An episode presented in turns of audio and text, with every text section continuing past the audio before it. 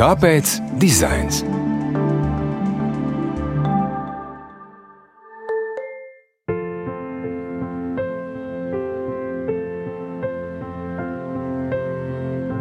Šobrīd ikdiena mūsu skatieni sastopas ar visdažādākajām ziņām, kuras ir satraucošas, bet ir arī vārdi, kuri uzmundrina, vieno un stiprina.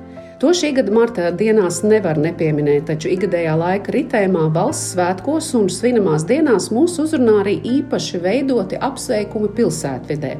Kādi tie ir bijuši Rīgā un kādi tie būs turpmāk? Par to šajā raidījumā Kāpēc dizains? Saruna ar Rīgas domas izglītības, kultūras un sporta departamenta direktoru padomnieci kultūras jautājumos Renātu Laksdiņu un mākslas zinātnieci Elita Ansoni, kur arī ir viena no kuratoriem šobrīd skatāmajā izstādē S-tekst Nacionālajā mākslas muzejā, proti par teksta mākslu. Esiet sveicinātas!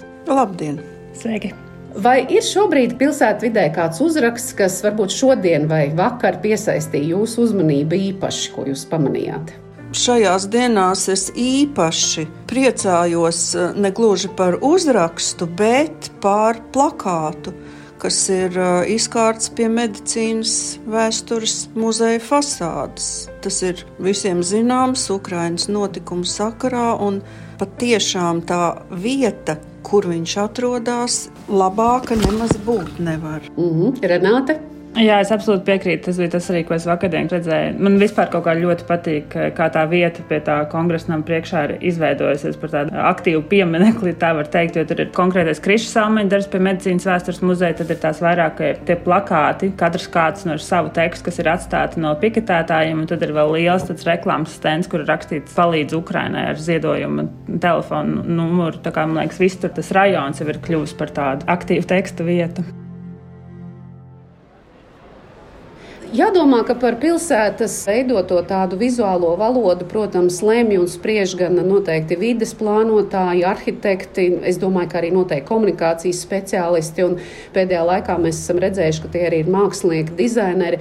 Un vērojot šos Rīgas pilsētas izvēlētos veidus, kā sveikt iedzīvotājus, es tiešām pirms mūsu sarunas saredzēju tādu vērtīgu jūsu abu viedokļu apmaiņu. Nu, piemēram, Pauls Liepmākslinieks tika izvēlēts, lai uh, ilustrētu ilustrētu vai veidot apsveikumu 18. novembrim, Roberts Rūrāns Ziemassvētkos. Šos sveicienus, kurus ir veidojuši mākslinieki, iedzīvotāji uztvēra dažādi. Bija izteikta arī zināma kritika. Bet kāds varbūt ir tāds jūsu secinājums, ja mēs atskatāmies uz šo paveikto darbu? Renāta, varbūt no, jūs pirmā. Es joprojām uzskatu, ka tas bija virziens, kurā iet, kurā domāt par mākslinieku iesaisti Rīgas pilsētvidas veidošanā, arī pie šī noformējuma. Otrs, protams, varbūt ir tas, ka viņš bija e, ļoti strauji citā virzienā nekā tas ir ierasti, no tādiem formālākiem, e, mazāk riskantiem plakātiem vai sveicieniem. Tas pārsteigums, ko viņi ir sagādājuši, ir vienlīdzīgi ir bijis ar negatīvu zīmi, bet man liekas arī, tā diskusija, kas ir radusies abu šo plakātu kontekstā, ir bijusi ārkārtīgi vērtīga. Gan, protams, Rīgas doma domāju, gan man liekas, tas arī parāda to, kā vispār iedzīvotāji skatās un vērtē kaut kādu vizuālo informāciju, un kas ir tas, kā mēs viņu tulkojam. Elita, kā mākslas zinātniece, kā jūs vērtējat? Plakāts pilsētvidē ir sarežģīta lieta tādā ziņā, ka, lai viņa uztverēji būtu ļoti maz laiks jāatvēl. Tas ir mirklis, kad cilvēks viņu redz un viņam ir jāsaprot, kas ar to ir domāts. Man liekas, ka Pauļa Liepas brīnišķīgais darbs, kā grafikas darbs, bija lielisks, bet viņš bija par gudru un par smalki detalizētu, lai viņu uztvertu šajā pilsētvidē. Cilvēks, ja nav pazīstams ar Pauļa Liepas daļradu, viņš īsti to nevar uztvert. Tas jau ir mākslinieku uzdevums. Ja? Mākslinieks strādā ar šo gan ideju, gan vizuālo formu, gan izvēlētajiem burtiem un zīmēm. Tie ir tādi ļoti profesionāli uzdevumi, kas ir jāatrisina. Bet um, vispār par plakātiem pilsētu vidē runājot, Galvenais jau ir jautājums, ko cilvēkiem vajag. Dizains ir domāts cilvēkiem. Jebkurš noformējums, plakāts, sauklis vai vēstījums Viņš ir tiešām priekš tiem, kas iet pa ielām. Un um, tad, kad es redzu svētku noformējumus vai arī reklāmas par izstādēm, man ir jautājums, vai man personīgi to vajag. Ja kaut kāda informācija tiek pasniegta, iespējams, kaut kāds procents cilvēku to informāciju arī uztver un viņa viņam noder. Bet tieši par svētkiem, piemēram, vai man vajag tradicionālās olas uz plakātiem lieldienās, piemēram, ja? es šaubos, man nevajag. Es neesmu speciāls dizainā, ja? bet es domāju, ka nu, kaut kādu uzrakstu vai reklāmu esamību pilsētā no tiem laikiem, kad nebija digitālie mēdīji, no 19. gadsimta. Ja? Tas, kas ir palicis un ko mēs joprojām lietojam. Kāpēc dizains? Renāti, jūs kā īpaši vēlējāties mainīt šos pilsētas apsveikuma veidus, izvēloties mākslinieku ar veselu vēstījumu šajā plakātā vai apsveikuma vietās, ne tikai vienkārši vizuālu zīmējumu. Nu, tur viens ir tas, ka joprojām ir Covid laiks. Tas bija viens no augstākajiem punktiem. Līdz ar to nevarēja zināt, kā varēs izskatīties kultūras programma, vai viņa vispār varēs notikt, kur cilvēki varēs uz viņu atnākt. Līdz ar to jau pagājušajā gadā Rīgas domēna arī šogad tas turpinās, tiek domāts vairāk par pilsētvidas izmantošanu, kas ir gan no epidemioloģiskā viedokļa daudz drošāka.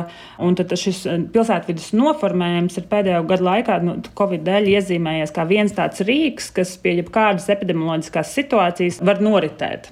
Līdz ar to mēs arī par šīm plakātu vietām, kas pirms tam ir pildījuši vairāk tādu funkciju, kā informēt par kultūras programmu, jo tur bija uzskaitīts datumi un laiki, kuros kultūras centros kas ir apmeklējams, bet šogad visu laiku mainījās tā programma. Mēs ar viņu nevarējām dalīties, nevarējām nodrukāt, lai viņi būtu aktuāla. Tika domāts, kā šīs vietas mēs varam izmantot eh, kaut kam citam un vairāk tieši šim noformējumam. Un tad, domājot par noformējumu, tas varbūt kas atšķirās no citiem gadiem, bija nevis par to, ka mēs vienkārši apsveicam valsts svētkos, bet kas ir tas, ko pilsēta šajos valsts svētkos vēlās pateikt saviem iedzīvotājiem, ko viņi vēlās mudināt. Kas arī bija tā sākotnējā diskusija, ko mēs runājām ar Paulu, nu, kur radās šie trīs teikumi, kas eh, radās kopā ar Paulu un Krišsām un manu kolēģi Dārtu. Apsīt ir tas šis cel Latviju ar darbu, ar dziesmu, ar valodu valodu. Un valsts veidošana ir kā tāds plūstošs process, kas arī atspoguļojās tajā Pauļa darbā, un ka mēs katrs nesam par to atbildību.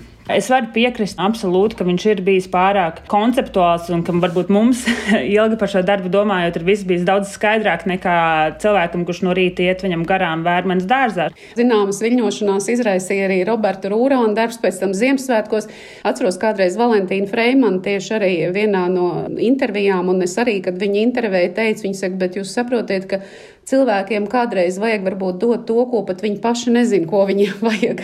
Tad jautājums, protams, ir tas, kādā veidā atrast šo līdzsvaru, lai mēs um, reizē dotu vērtīgu, audzinošu, varbūt pat varētu teikt, informāciju vai savā ziņā ar noteiktu mērķi. Tātad vienā reizē ar patriotismu, otrā reizē ar svētku sajūtu, bet tomēr, nu, lai tā būtu arī vieglāk uztverama. Kāda tad varētu būt tā jūsu nākošā pieeja, Renāte? Nu, es domāju, skats, ka iedzīvotāji ir dažādi, dažādām izglītībām, dažādu gaumi un tam līdzīgi. Un, kā nosarvēt teikt, apsveikumu tik plašam un daudzslāņainam un dažādam, par ko mēs lepojamies, ka pilsēta ir dažāda, kā nodot šo vēstījumu. Un vienlaicīgi, jā, mēs gribam, lai kultūra un māksla parādās vairāk pilsētvidē, nevis tikai uz svētkiem, bet arī kā mākslas objekti un tam līdzīgi. Un es domāju, ka tas ir pierašanas jautājums. Tas ir radināt sabiedrību pie tā, ka šādas intervences var notikt pilsētvidē, bet skaidrs, ka to darot ir riski, ir kļūdas, cerams, arī kaut kāda veiksmes. Bet es domāju, ka ja mēs tā kā turpināsim varbūt šo tradīciju, tad cilvēki jau kaut kādā mirklī sāks gaidīt, kā, kas tad ir nākamais, ko viņam šajos svētkos sagaidīt. Vairāk šāda veida intervenciju un, un pastāvīga intervenciju mākslas arī pilsētvidē ir tas, kas var, es negribētu teikt gluži izglītot iedzīvotājs, bet jā, viņus pieradināt. Un pilsētvidē kļūst drosmīgāka un varbūt arī iedzīvotāji kļūst ar to drosmīgāki.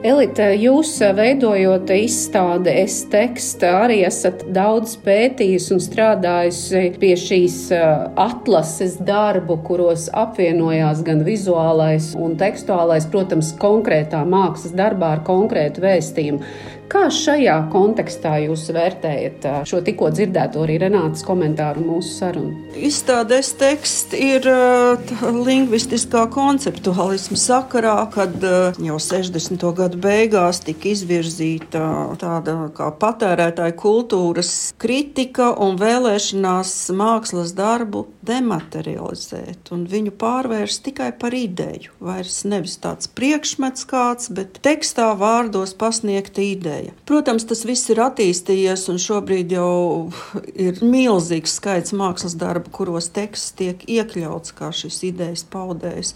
Un arī plakāti pilsētvidē, ja tādus liek un izgatavo, arī ir neapšaubām kaut kādu ideju nesēji. Nu, mākslinieks ir tieši tas, kurš eh, var šīs idejas tajā pārsteidzošajā un arī noteikti izaicinošā veidā pasniegt. Protams, ja mēs runājam par svētkiem, tad uh, izaicinājums ir tāda bīstama lieta. Ja? Tur jau var atkal sanākt dažādi konflikti un pārpratumi. Bet nu, mākslā neapšaubām, ka māksla ir tas, kas uh, urda un uzdod tos jautājumus, un arī uz konfliktiem var iziet. Cits rāda ceļa virzienus varbūt. Nu, šobrīd mēs jau esam tādā nevis normālā miera situācijā, bet tādā ārkārtas situācijā. Es pat nezinu, vai ir adekvāti kaut kādas tādas miermīlīgas plakātus izvietot, kas svin svētkus pilsētu vidē. Tajā situācijā kaut kā ir jārēģē atbilstoši situācijai. Jā, un Renāta, vai jūs mazliet varat atklāt, kas tad būs nākamais? Jo tieši tā, nākamās ir lieldienas, tad ir 4. maija. Nu, vai un kā jūs domājat to veidot pilsētvidē? Kādu apsveikumu īpašu? Nu, viens, kas saistās ar mākslinieku iesaisti svētku veidošanā, vispār tas tiek turpināts. Tur ir jautājums, ar kādu regularitāti mēs to darīsim. Šobrīd tā ideja ir, ka tas netiek darīts uz katriem svētkiem. Nu, ja mēs tomēr gribam saglabāt to, ka katram šim svētkiem ir kaut kāds vēstījums, varbūt ar lieldienām, nu, tā ir vienkārši tāda tradīcija, kas saistās ar, ar spēlēm, ar pavasara sākumu un, un, un tam līdzīgi. Un arī es piekrītu absolūti elitei, nu, ka šobrīd vispār domāt par kultūras programmu, ko mēs liekam pilsētvidē, ne, nekas neliekās relevanti. Mēs varam iedomāties, kā jūtās Eh, Ukrāņi, bet kaut kādā ziņā mēs esam bezpalīdzīgi. Tad jautājums, kāda jēga teikt, no mūsu kultūras programmas, vai mēs varam kaut kā palīdzēt ar šiem plakātiem, ko mēs liekam pilsētvidē vai programmu, atkal uh, uzturēt šo diskusiju un par to, lai iedzīvotāji teikt, eh, pārāk nenormalizē kara situāciju un par to neaizmirst. Bet šobrīd jūs jau zināt, kas tas būs. Lieldienas ir mazliet vairāk kā pēc mēneša. Konkrēti Lieldienās atkal turpinās sadarbība ar Krišu Salmani, kurš ir izstrādājis plakātu dizainu kopā ar uh, dizaina vienībā. Viņi izstrādās Lieldienu identitāti, kas arī patiesībā tika pārtaisīta pagājušā nedēļā, izējot no tā, kas notiek uh, Ukrainā. Tas, kas ir noticis pagājušā gadā, ir uh, izstrādāts uh, Rīgas visas identitātes atjaunošana. Uh, nepavisam viņa nav gluži absolūti jauna, bet viņa ir tādā uzfrišināti, tā varētu teikt. Tad, lai šo identitāti iedibinātu, tad ļoti daudziem svētkiem nākamajā gadā tiks izmantot šī konkrētā identitāte, bet būs atsevišķi svētki, kas sākās pagājušajā gadā. Patiesībā ar ko arī sākās šī jaunā mākslinieka iesaiste Rīgas vasara, Rīgas vasaras kultūras programma, kurai tad uh, taisīs identitāti jauns mākslinieks. Mēs vēl nezinām, kurš tas būs, un tāpat tās tā tradīcijas tiks saglabāta uz Ziemassvētkiem. Uh, par 18. novembri es vēl nevaru pateikt.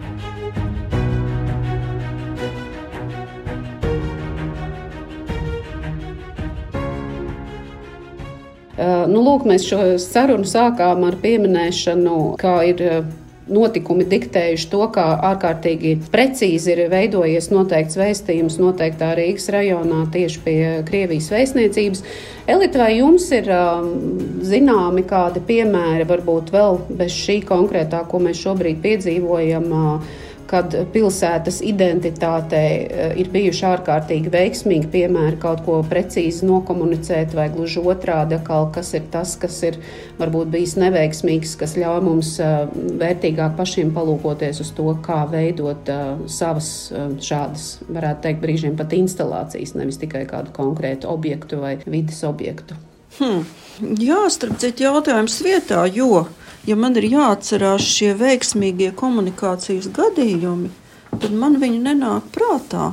Un tas laikam par kaut ko liecina tomēr. Ja? Par ko man vēl ir jādomā par tiem standiem, kādi parādās, kāds ir to standu dizains, kur viņi ir izvietoti. Un to ir tik ļoti grūti pilsētā ietvert, jo parasti ir tas tā kā tāds svešķermenis kādā zālā, jā, pie kādas ēkas vai arī Doma laukumā vai Līva laukumā citreiz parādās stendi, kas eh, izstādes piedāvā kādas tematiskas fotogrāfijas un aprakstus vai barikādiem veltīt. Man liekas, arī šie stendi totāli neiedarās pilsētu vidē, šajā te nu vecrīgas teritorijā. Tad vēl problēma, kas tur nāk klāt, ir uh, milzīga atkrituma saražošana, jo viņi ir uz uh, ļoti nelielu laiku tomēr izgatavoti un tie ir gan resursi, kas tiek patērēti viņu izgatavošanai, un pēc tam mēs vairojam patiešām atkritumus. Un, nu, man liekas, ka ir jāatsakās no šīm lietām. Goda vārds, jāiet pilnīgi citos virzienos. Protams, ka finansu novirzīšana tur ir pa sadaļām, kas kam tiek virzīts, bet nu, iztēlosimies, piemēram, ja vienu svētku noformējuma finansējumu novirza paliekošam mākslas darbam pilsētvidē. Vai tas nebūtu vērtīgāk, teiksim, vienos svētkos pieņemsim lieldienās, radīt paliekošu skulptūrālu darbu, ko cilvēki lieto. Cilvēki zina, ka tas ir šajos svētkos radītais objekts, un, un citur nebūs pilsētā, būs tikai viens objekts bet viņš uz mūžu mūžiem iedzīvosies pilsētvidē. Renāta, ko jūs sakat par tādu ideju? Nē, nu es māju ar galvu te klusumā. Es jau elitāru Ansonu ārkārtīgi cienu, es piekrītu gandrīz visam, ko Elīte saka. Man liekas, tā problēma arī, kas līdz šim, ja mēs runājam plašāk par dizainu Rīgā, ir bijis tas, ka tas dizains ir gulējis daudzos departamentos. Mums ir attīstības departaments, mums ir būvvalde, mums ir noformējuma nodaļa, un tāpēc beigās mums ir vide, kur uh,